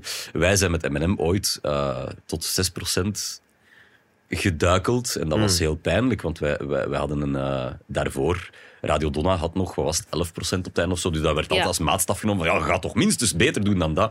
Dus wij zijn echt... Je moet je voorstellen dat je elke... Elke donderdag was dat, was het vragenuurtje in het parlement. En dan was er altijd wel... ehm een van de CD&V, wiens naam ik nu kwijt ben. Eh, of Bart Ja, Tommelijn, super toffe kerel. Bart Tommelijn, echt, love him, toffe gast. Maar die heeft wel eh, maanden en maanden en maanden lang, elke donderdag tijdens het vragenuurtje in het Vlaams parlement, staan roepen dat ze mijn zender dringend moesten verkopen. Want dat het niet de taak van de overheid was om zo'n hitradio uit te baten. Terwijl wij Ja. eigenlijk gewoon deden waar Radio Donna daarvoor al twintig jaar deed. Maar eh, Het vergrootglas dat er ja, en hoe pijnlijk ook om zo als jonge gast en je, zei, je wilt dan eigenlijk gewoon een goed radioprogramma maken en je moet, wij, er werd net niet naar ons gespuwd in die gangen. Hè. Zo, de collega's van Clara en Radio 1 die openlijk diep op ons neerkeken en ook vonden dat wij maar moesten oprotten. Het was heel, heel pijnlijk. Eh, er zijn heel ambetante dingen gebeurd. Maar we zijn daar dan wel zo als team doorheen gegaan en dan zijn er zo echt wel gouden jaren gekomen. Ik wist niet dat dat intern ook zo gedoe was. Ja, ja, ho, ho, my, ho, dat was echt verschrikkelijk. Ja, dat was echt... eh, zeker vanuit zo Clara en Radio 1, zo de elitezenders van, eh, van de VRT, werd er heel hard neergekeken op wat wij proberen te doen. Namelijk een soort jongerenzender oprichten eh, die zo, ja, eigenlijk wat... Zo avant la lettre, zo'n beetje TikTok-generation zo was. Dat bestond nog niet toen we daarmee begonnen, maar zo, zo wat wilde inspelen op, ja, jongeren zijn echt wel anders dan de jongeren die Studio Brussel bijvoorbeeld op dat moment nog bedienden of zo.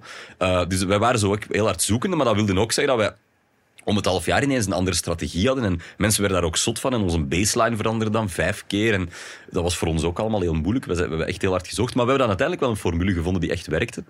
En wij zijn ook wel de zender geweest die zo begon met... ehm, het mag wel eens ergens over gaan. Zo, daarvoor was ook, met alle respect, Q-Music en, en Donna, zo de twee grote hitzenders van Vlaanderen, waren zenders, dat was allemaal fun, fun, fun, fun, fun. Het zat ook vaak, de fun, de hits was de, de baseline van Radio Donna. Ehm, maar zo is een gesprek over, ik ben jong en ik heb kanker en ik ben mijn haar kwijt. Oh, maar, oeh, dat deden wij niet. Hè. Allee, weg sfeer. En wij zijn bij M&M zo wel een beetje, denk ik, de grondleggers geweest van... Je kunt en een plaats van Britney Spears draaien en het daarna een keer hebben over... eh, ah ja, dus uw pa heeft uw ma mishandeld. Hoe ging dat dan precies? En, eh, of ah ja, groene economie. eh, we moeten met z'n allen met de deelstep gaan rijden. Doe jij dat? En zo gewoon ergens eens een gesprek over hebben. Daar zijn wij mee begonnen, heb ik het gevoel. En uiteraard is dat iedereen zijn voorrecht om dat Ehm, om dat nu ook te doen of zo. Maar ik heb wel het gevoel dat wij daar zo wel wat een eerste steen gelegd hebben van iets wat nu zo redelijk bon ton is in heel de Vlaamse media. Zo'n soort, zo van ja, we kunnen ook wel eens gewoon onder volwassenen eens ergens over babbelen. En is dat de vibe die je nu ook naar de avond van Q meepakt? Eh, de avond van Q eh, is, ehm, en dan heb ik het vooral over mijn eigen programma Club de Kok, is eh 90% pipi, kaka en piemelhumor. Maar als er iemand belt die zegt, ehm, bijvoorbeeld gisteravond nog, eh, ik zit in de gevangenis Ja. van Hasselt, ik ben hier aan het kaarten met mijn maat, we vervelen ons steendood, de wc stinkt en ik heb een boodschap voor mijn familie Ja. dan doen wij dat. En als diezelfde mensen, dat is ook al gebeurd, een paar weken later belt en zegt, ehm, dat gaat over een andere gevangene dan, Sander, als hij zegt van, ik ben nu uit de gevangenis, ik ben voorwaardelijk vrijgelaten, ik zit hier eh, voor een tafel waar drugs op ligt en ik denk dat ik met subiet eens een goed lijntje ga leggen. En als ik dan op de radio kan zeggen, Sander, we gaan eens even klappen, hè. En dan vijf Ja. minuten Q-zendtijd kan gebruiken. Waardoor, ik zeg altijd heel duidelijk, ik ben geen hulpverlener. En als je hulp nodig hebt, bel dan een hulpverlener. Maar Sander heeft die avond wel geen drugs gedaan. Door ons. Ja, dat is cool. Dus soms is de radio ook wel meer dan een plaatje draaien. Wij hebben het Heel voorrecht... vaak, denk ik We zelfs. hebben het voorrecht om achter die micro te staan.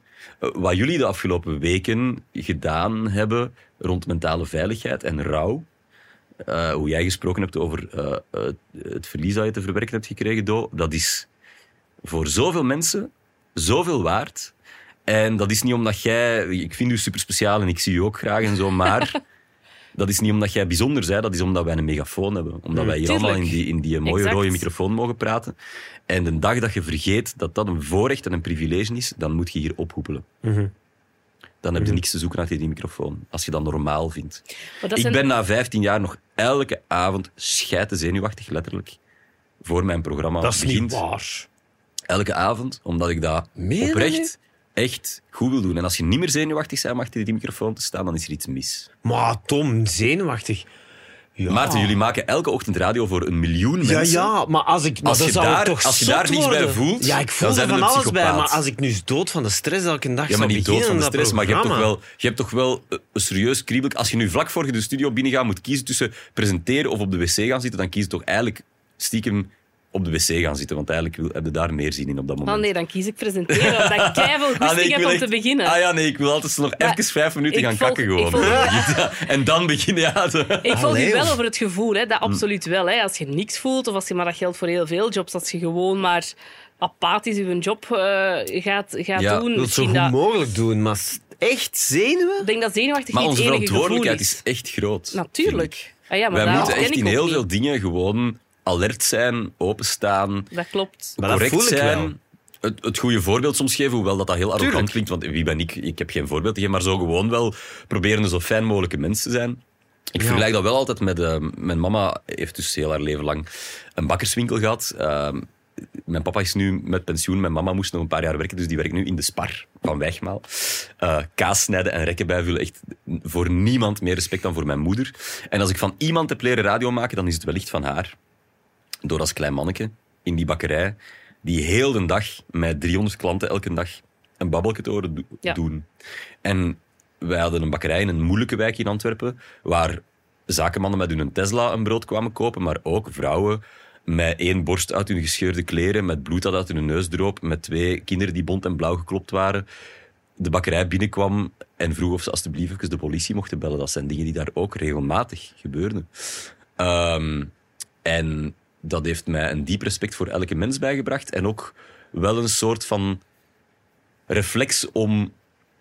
Ik denk dat je mij met letterlijk eender welke mens ter wereld, van een bedelaar in Brussel tot Vladimir Poetin, in een kamer kunt opsluiten en dat ik met elk van die mensen een uur kan babbelen.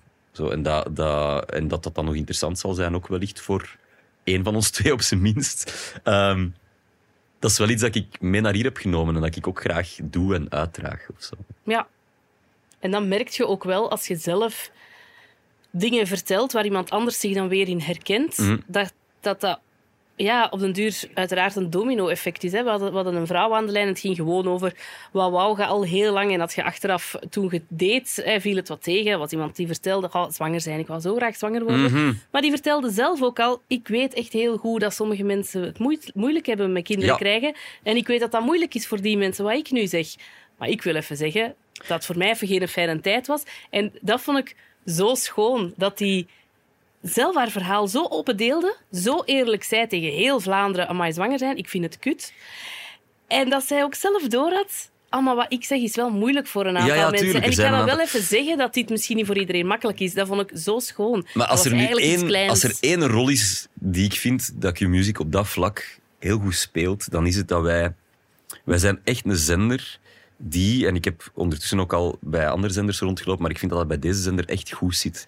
Wij zijn een zender waar mensen automatisch best veel begrip opbrengen voor elkaar. Wij zijn de zender waarvan de luisteraars, maar ook de makers, niet permanent op hun achterste poten staan en zeggen ja, maar ik kan niet gemakkelijk zwanger worden, nee, daar heb daar al eens aan gedacht. Zo, wij zijn mensen die naar elkaar luisteren, die het elkaar gunnen, die elkaar in de ogen kunnen kijken, die soms ook wel kritisch kunnen zijn voor elkaar. Zoals in het beste café of het beste jeugdhuis. De ene avond is daar lachen, de andere Ja. avond krijg je de wind van voren, omdat je iets gedaan hebt waar de rest het niet helemaal mee eens is. Maar wel altijd in kameraadschap en in vriendschap en in een zoektocht naar hoe moet het nu verder samen. En Ja. ik vind wat dat jij nu zegt, daar een prachtig, prachtig, prachtig voorbeeld van.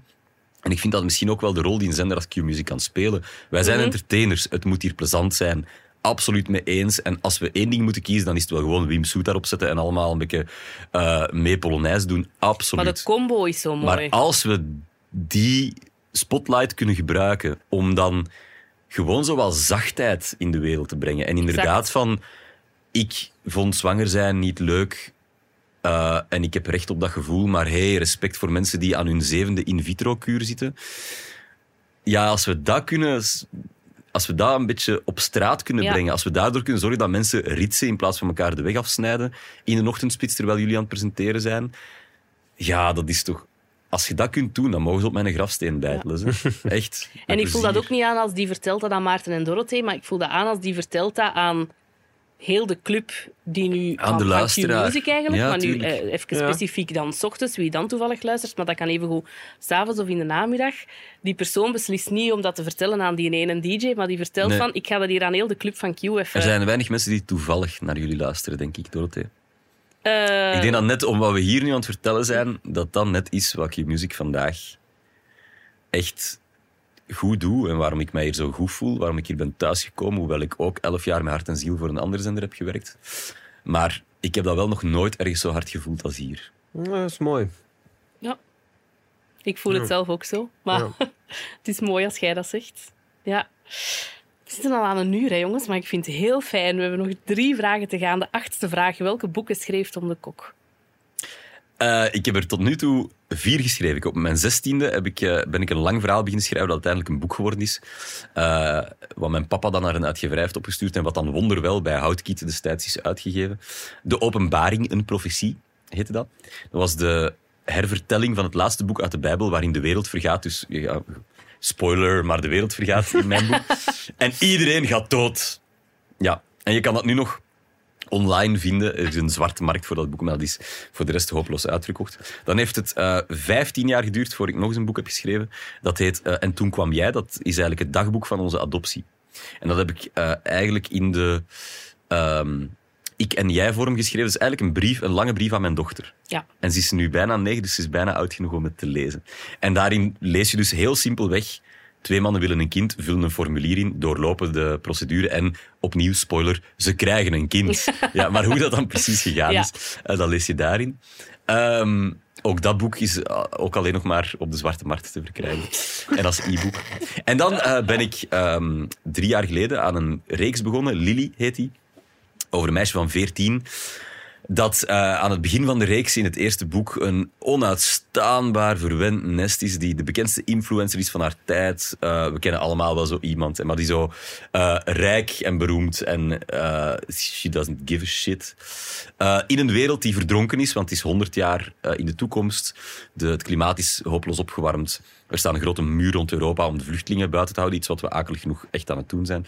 Ehm, en zij eh, leeft een luxe leventje tot ze eh, door omstandigheden buiten die muur terechtkomt. Met een hele knappe jongen. Het is ook een romantisch avontuur. Ehm, en daar ontdekt wat er echt met de wereld gebeurd is. En eigenlijk per ongeluk een soort jongerenopstand tegen de volwassenen ontketent. En daar gaan die vier boeken over. Over hoe zij dan uiteindelijk een soort van leider wordt. Willis Nilles. En het beter moet gaan doen. En hoe doe je dat dan? Maar ondertussen speelden natuurlijk ook haar gevoelens. eh, eh, de, de strijd eh, tussen jong en oud. Want daar gaat het eigenlijk wel een beetje over. Ehm, en heel veel andere dingen op de achtergrond. Enfin, lees het vooral zelf even. Ik zit nu, dus eh, Lily is uit, is ondertussen een bestseller en is in Nederland bekroond tot beste boek voor jongeren. Eh, Lily 2 Storm eh, is ondertussen ook al uit en is eigenlijk dezelfde weg aan het opgaan als het eerste boek. Cool, hè? en eh, op 1 juni, dus dat is op het moment dat we dit opnemen nog een maand of wat is dat? Eh, eh, drie zeker? Nee, Ja. zelfs niet meer. Dan moet mijn manuscript klaar zijn van Lily 3 staal. Je kan hem nu al kopen, de- je kan hem al voorbestellen. De cover is al klaar, ik geef er al lezingen en voordrachten over. En ik heb ongeveer een tiende van wat het moet worden. En ik ga dit weekend koortsachtig verder schrijven. Spannend schrijversweekend. Ja, Ja, cool. Amai. Zo, echt- ik wil proficiat zeggen, maar dat voelt laat hè, of zo. Maar Ah, ja, maar ik ja, heb dat dat is misschien niet- nog nooit echt gezegd, maar ik vind dat wel cool, al die dingen. Zo, ja, dat is niet allee. proficiat, dat is, ja, dat is wel echt Ja, iets wat ik proficiat moet voelt doen of inderdaad zo. zo. lullig een kaart voor je eerste communie of zo. maar ja, Zo ik voel die mijn drang zo ineens ah, opborrelen van. ik vind het heel ik vind wel cool. heel cool. Ik, het is u misschien al opgevallen dat ik graag vertel. Ja. Dus, en dat kan ik Dat is fijn. kwijt in die boeken. En die, dat zijn ook wel, ik zoek dat wel in alles wat ik doe, zoals ik net ook al over de radio zei, van het mag wel ergens over gaan, het mag leuk zijn. Mhm. Die boeken zijn ook leuk, je kunt die echt als avontuur lezen, er ontploffen dingen in, er eh, komen prachtige vergezichten in en er wordt in gekust en gefoefeld. En, ah, ik bedoel, dat allemaal. Maar je- als je wilt, kun je er ook een Ja. boodschap over het klimaat en over de toekomst en over de jeugd Ja. in lezen. En dat vind ik plezant. Zo'n dingen doe ik graag. Ja. Dus dat is ook een plezier, maar het is wel fucking hard werken. Ja. Echt. En allemaal tijd die ik niet met mijn gezin doorbreng. Was soms wel lastig. Dus ik ga die vier afwerken. Er moet er elk jaar één verschijnen. Eh, dus dat is nu nog twee jaar echt werken, werken, werken. Maar dan denk ik dat het wel even gaat duren voor er Ja, nog een boek komt. Dat is dan, ga ik, dan, gaat het, dan ga ik twee of drie jaar nemen. ja. Ja, ja. Ja. Mooi. De negende vraag. Ja. Zit Tom de Kok in The Masked Singer? Wat is de tiende vraag? Ah. Allee. Weet, weet uw man Maarten wie er in de pakken zit? Eh, het irritant aan televisie kijken met mijn man is dat hij een van de drie mensen in Vlaanderen is die weet wie er wanneer uit bestemming X gaat, eh, Ja. wie in die pakken van de Masked Singer zit, eh, wat er in familie nog allemaal gaat gebeuren het komende jaar. En welke Ehm, invloed heeft dat op tv kijken bij jullie thuis? Wij doen dat zelden samen. Ja. en als we kijken, is het Zal. Netflix. Ja. Eh, en ook, wij zijn ook wel super irritant om samen televisie mee te kijken, want wij zijn ook wel van die tv-makers. Ja, we hebben allebei ook heel lang eh, televisie gemaakt, allebei. Ik maak nog steeds televisieprogramma's en mijn man is eigenlijk tv-maker geweest altijd. En wij zijn wel van die mensen die dan zo het Songfestival stilzetten van wow, wow, wow, wow, wow, hoe hebben ze dat shot gedaan? en dan terugspoelen en in slow motion nog eens kijken en ondertussen op YouTube opzoeken naar die andere tv-nerds die dan ondertussen al een filmpje gepost hebben van hoe de steadicam aan een kraan wordt opgehangen en dan door de arena wordt binnen en dan op een segway tot aan het podium rijdt en dan verder loopt. En ah ja, fijn, ik kan daar uren Maar het over is gewoon een technische analyse eigenlijk. Ja, dus niet meer zoals gewoon- andere mensen naar de voetbal kijken, Ja. zo kijken wij naar televisie. En zo. En wij, we hebben ook zo wel, mijn man zit ook een beetje in een internationaal netwerk van tv-makers, dus dan wordt er echt druk over en weer sms van, en hoe doen jullie dat dan allemaal? En eh, dat is heel tof. Nou, wij Oké. kunnen ook, ik, ik ben ook bijvoorbeeld op een event of op een festival of zo, ik kan me daar heel moeilijk ontspannen. Of ik kan ook heel moeilijk als ontspanning naar een Vlaamse film gaan kijken of zo, omdat dat is eigenlijk allemaal werk. Eigenlijk allemaal, want bij al die dingen denk ik van, ofwel van, ah, dat wil ik ook doen, of ah, dat heb ik al gedaan, en, maar zij doen dat beter, of ah, die moet ik nog eens uitnodigen in een van mijn programma's, of ah, daar zit eigenlijk een podcast in. Of, en Ja, dat ik dat- eigenlijk ja. op zo'n festival of zo, ik ben daar liever aan het werken dan voor de radio, dan amuseer ik me eigenlijk harder dan daar in het publiek te staan met een pintje en met mijn vrienden of zo. Ik, ik, ik Ja, word daar ja. een soort van onrustig van. Ja. Ja.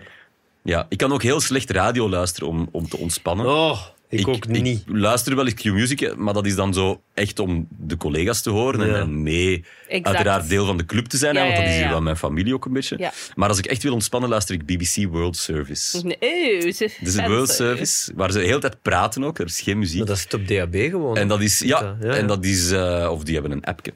Ah ja. Eh, en dat is de hele tijd nieuws, nieuws, nieuws, nieuws, nieuws. En dat is, daar ontspan ik van. Daar val ik van Ja. in slaap. Ja. En dan de tiende vraag. Heeft Tom de Kok een Porsche? Tom de Kok heeft een Porsche. Ja. Het zal toch niet zijn? En- Heerlijk. Dat is, een, eh, dat is geen bevlieging, dat is een echte kinderdroom. Ik denk dat ik dat echt al sinds mijn zesde of zo wilde. En ook specifiek een Porsche 911, het mooiste autosilhouet dat ooit getekend is. Als kinderen een sportwagen tekenen, tekenen die een Porsche 911. Ja, ja, dat is waar. Ehm allee, tenzij het stomme kinderen zijn die zo'n rechthoekige blokkendoos Ik, tekenen dus, dan. Ja, dan zijn ze Eh, slecht opgevoed. Maar als ze goed opgevoed zijn, tekenen ze de stroomlijn van eh, de Porsche 911. Geen idee hoe hij eruit Het ziet. ontwerp Nee? van. Ferdinand Porsche. Ja. Als je aan een Porsche denkt, een Porsche. Voilà, Ja. een sportwagen. Oké. Ehm, en ik wou dat al heel lang, eh, maar dat kost natuurlijk veel centen. Dus ik had daar al wel zo wat voor gespaard. Maar dan, eh, dat is, ik vind het altijd een beetje raar om te vertellen, maar het is wel gewoon de waarheid. Ehm, is mijn lieve vriend en collega Christophe Lambrecht eh, heel plots overleden op zijn 48. En ik was op dat moment 38, denk ik, of 37.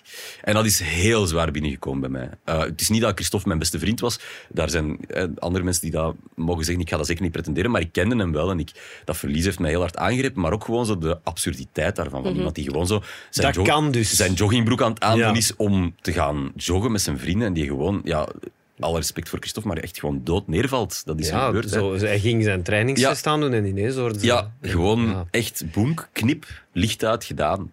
En ik, ik, dat heeft veel dingen met mij gedaan. Ik ben ook al vrienden verloren en zo. En ik, ik ben de mens die, zoals je al wel gehoord hebt, graag hard bezig is en in het hier en nu wilt leven. En echt het allerbeste van zijn tijd wilt maken. En elk voorrecht dat hem krijgt met twee handen wil aannemen. Maar ik, er zit ook wel een materialist in mij. En ik heb toen beslist, in diezelfde week, van ik ga niet wachten tot ik een oude P mijn klak ben, zoals er meestal achter de, het stuur van een dure Porsche zit. Ik ga nu alles bij elkaar schrapen. Ik ga naar de bank, ik ga lenen. Ik ga deze week een Porsche kopen. En ik heb dat ook gedaan. Ah, je hebt daarvoor geleend.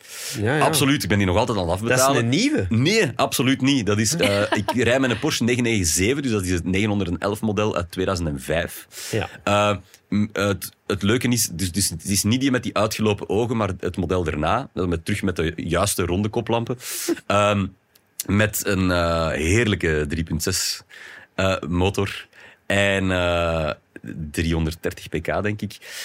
Een fantastisch geluid. Er is niks leuker dan door de Kraaibeekstunnel rijden met de ramen open. Het is echt Allee, heerlijk, heerlijk, heerlijk. Zalig. Ja, Jongen, jongen. Ehm, ik ga ook af en toe op circuit rijden. Niet met mijn auto, want dat kost te veel aan banden. Maar ik, dat vind ik, ja, dat is echt een... Ik, ik heb eierstokken wat eh, de kinderen betreft, maar ik heb ook heel veel testosteron wat auto's betreft. Ehm, en eh, het eh, voordeel is dus dat dat een redelijk recente, moderne Porsche is. Het nadeel is dat dat geen oldtimer is. En dat ik daar dus ook de volledige tax en extra toeslag voor uitstoot en zo moet betalen. En dus elk jaar als die aanslag thuis toekomt, is dat wel even een kleine discussie met het gezin over of dat nog een te verantwoorde uitgave is of niet. Dus hij kan elk jaar weer het? verdwijnen uit mijn leven. Wat zijn de bedragen dan? Allee, om te beginnen, voor hoeveel heb je dat gekocht? Ik kan me daar niks Ik kan dat gewoon zeggen. Is Eh, dat een dikke honderd? Of? Nee, absoluut niet. Ah. Eh, die eh, heeft eh, 30.000 euro gekost. Oké. Eh, dat is een Porsche uit 2005 met 200.000 kilometer erop. Ja. Eh, maar heeft op 100.000... Het is niet meer matching numbers, zoals dat heet. Dus mijn chassis en mijn motor passen niet bij elkaar. Er is op 100.000 kilometer een nieuwe motor ingezet door Ah, Porsche zelf. oké. Omdat er iets mis was met de auto. Dus ik heb eigenlijk een jonge motor in een iets oudere auto. Ja. Waardoor die dus nog zeker nog eens 100.000 kilometer mee kan. Ja. Ehm, 30.000 euro. eh, die verbruikt 16 liter benzine per 100 kilometer. Dus je moet daar meer mee tanken dan iets anders. Dus dat is echt mijn vrije tijdsauto. Ik doe daar geen... Ik rijd daar niet mee naar de zee of zo. Dat is echt om Turkens rond de kerktoren te rijden. Staat ook, 16. hij staat nu bijvoorbeeld ook al heel de winter stil. Dus ik moet die dan met de startkabels zo gaan starten, omdat de batterij leeg is. Ehm, en eh, de tax is denk ik ongeveer iets van een... eh, ik denk 1600 euro belasting, verkeersbelasting per jaar en bijna 700 euro extra toeslag voor de uitstoot per jaar. Dus dat Ja. is meer dan 2000 euro, waarvan ik dus hier grif toegeef. Dat is ongelooflijk veel geld. Dat is mijn hobby, hè, of een van mijn hobby's, die een auto. Ja. Andere mensen kopen de koersfiets. Voor mij is elk jaar die koersfiets die belasting. En elk jaar is dat even overwegen van ja... Het is zo mooi eigenlijk kan het dat nog je, of niet? Ja, Ja. Een, een, een droom, hè, hoe dat we dat dan soms, als het materieel is, toch heel erg verantwoorden. Hè? Die neiging hebben we toch met Ja, maar ik soms wil ook niet de patser zijn. Ik Nee, word, maar ik word gewoon... u, ik, Ik ik snap doe, het. Mijn mama vult rekken in de spar voor minder dan dat bedrag Ja. per maand. Ja, Ja, ja, ja. ja, Tuurlijk. ja, ja. Dus ik heb een diep, diep, diep respect voor mensen die elke euro in vier moeten bijten om er te geraken. Ik heb uiteraard. de luxe dat ik in een sector werk en een job doe en de fond van thuis heb meegekregen om dan vandaag iets te doen waar ik ehm, ja, duizenden euro's per maand mee verdien. hè. Ik werk heel hard. Mhm. Ik ben heel weinig thuis. Ik doe vaak dagen van 14 uur. Maar, er, zijn nog bruto mensen, ook, hè? Allee. maar er zijn nog mensen die... Ja. Nee, ook netto, Maarten. Maar er zijn, Duizenden euro? Ja. er zijn mensen Ja, die waar, ja. even hard werken als ik en daar veel minder voor krijgen. ja. Ja, Uh, het beste wat ik kan doen is daar eerlijk over zijn. En als, Ja, ja. Je, en als je af en toe naar mijn programma luistert, dan weet je dat ik ook deel. Want niet elke prijs die ik daar uitdeel is officieel afgesproken met Q-Music. En het gebeurt al is dat ik dan maar zelf een PlayStation voor iemand koop. Meen je dat nu? Oh ja, ja, ik deel ook regelmatig smartphones. En, en ik heb net nog nu eh, Samsung Earbuds zijn net aangekomen hier op mijn bureau. Die ik vorige week aan iemand beloofd had. Ah, daarom zijn al die pakketjes hier. ja, ja, ik, ja ik, ik, ik doe graag... Of zo mensen die dan sturen van... Godverdomme, ik sta hier aan de pomp en het is weer opgeslagen. Dan bel ik en dan schrijf ik live dat bedrag over. Ja. Ja, zeg. Nu, niet allemaal bellen, hè, maar Ja, ik vind dat wel, ik vind dat wel gevaarlijk, dat zo leuke manieren om zo'n beetje terug te geven. Zo, Ik, Ja. ik ben wel iemand... Ik, ik, allee, ik, ik ga nu niet over mijn privéleven hier te ver uitweiden, maar ik kan u wel garanderen dat mijn man en ik, we hebben een heel goed leven, maar wij delen op alle mogelijke manieren. Dat kan gaan van eh, aan goede doelen geven, aan pleegzorg doen, maar ook goede vrienden zeer uitgebreid financieel helpen bijvoorbeeld. En, en waar we kunnen ja. teruggeven, maar ondertussen profiteren wij wel van het leven. Ja, Ja. absoluut. Hebben Cool. wij een heel schoon Cool. soms glamoureus en soms heel normaal leven. En ik ben, ik, het enige wat ik hier kan zeggen is, wij zijn mega dankbare, gelukkige mensen. Cool. Ik denk dat dat een mooie eh, slot is. Het zou een mooi einde zijn als we nu nog één laatste verrassingsvraag hadden. En Ja. dat is dat we graag zouden weten wat jij zelf het laatste hebt gegoogeld op je gsm. Ah ja, nee, niet je over zelf- mezelf. Nee, oh, ja, tenzij dat jij nu hebt gegoogeld. oh, hoe en is hoe toch kunnen dat zien? Gewoon in Google, je geschiedenis. Tenzij Gewoon het is, in hoe is dat het nog vakje. met mij, met Tom de Kok? Het zou kunnen. Wacht, eh, dus Google... Was, sorry, want ik ben bijna boomer, hè. Ja, Google.be. En dan... En dan gewoon... Ah ja, het is een auto. ja, Voorspelbaar. eh, ja maar dit, dit wordt wel heel erg reclame, maar ik ga het toch doen. Ah, ik weet het al. Is dat die waar dat je over aan het influencen bent? Ja, eh, dus ik heb, ik heb net een nieuwe gezinswagen besteld. Want dus buiten mijn vrije tijdsauto heb ik ook een, een normale mensenauto waar ik dan elke dag mee rondrijd. Ehm, en ik heb een nieuwe besteld na lang zoeken. Eh, ik wou graag een auto waar je met zeven in kon zitten, omdat, omdat dat ja, eh, lang een uitleg soms van pas komt. En eh, om alle babystuff en zo van achterin te krijgen. Ik wou een volledig elektrische auto en ik rij graag met zo'n nogal iets groot stoer, dus SUV-achtig. En dus dan heb je eigenlijk maar een paar opties. eh, en dat begint eigenlijk bij een Volvo van 120.000 euro, wat ik Ja, niet heb. ja, ja, hè, wat ik niet heb.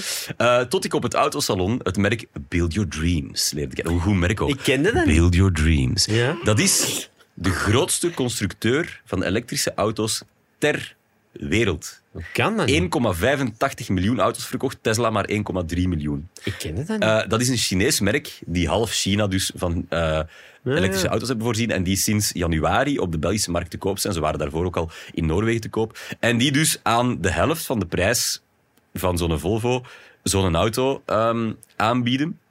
En ik ben benieuwd, want ik heb hem nu besteld. En ja. ik, heb, um, ik heb met die mensen uiteraard ook eens een babbeltje gedaan over mag je daar dan wat reclame voor maken.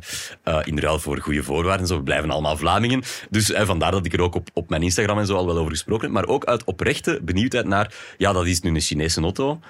Gaat die uit elkaar vallen? Gaan mijn wielen mij plots voor, uh. voorbij rijden op de E19? Ga ik bespioneerd worden? Uh, ga ik plots alles wat in mijn auto zeg, uh, gezegd wordt, gaat dat dan op mijn Instagram terugkomen als reclame en zo dat soort dingen? Of, Vermoedelijk. Of gaat dat wel meevallen en is dat gewoon oké? Okay? Het is een experimentje. Het is echt een oprecht okay. experimentje. En misschien kom ik er nog van terug, maar ik heb er goede hoop in. En het allerleukste is, een van mijn beste vrienden heeft... Um, anderhalf jaar geleden zijn elektrische auto besteld en zal er nog een maand of twee, drie op moeten wachten. Ik heb de mijne vorige week besteld en over drie weken is hij er. Straf. Leven, leven, ik ging bijna leven China roepen, maar ja, dat meen ik, ik eigenlijk niet. Nee, dat meen ik niet. Niet ja. leven China, maar misschien wel leven met nieuwe auto. Ja. Leven het experiment. Ik zal u laten weten hoe het gaat. Het is een experiment. En bij deze zijn alle sponsors vermeld. De autosponsors, de aanbijen sponsors, dus dan kunnen we afronden. Hè? Dat vond, dat vond, dat vond.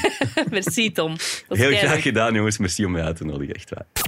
Dit was een podcast van Q-Music. Wil je meer? Wil je meer? Kijk op qmusic.be.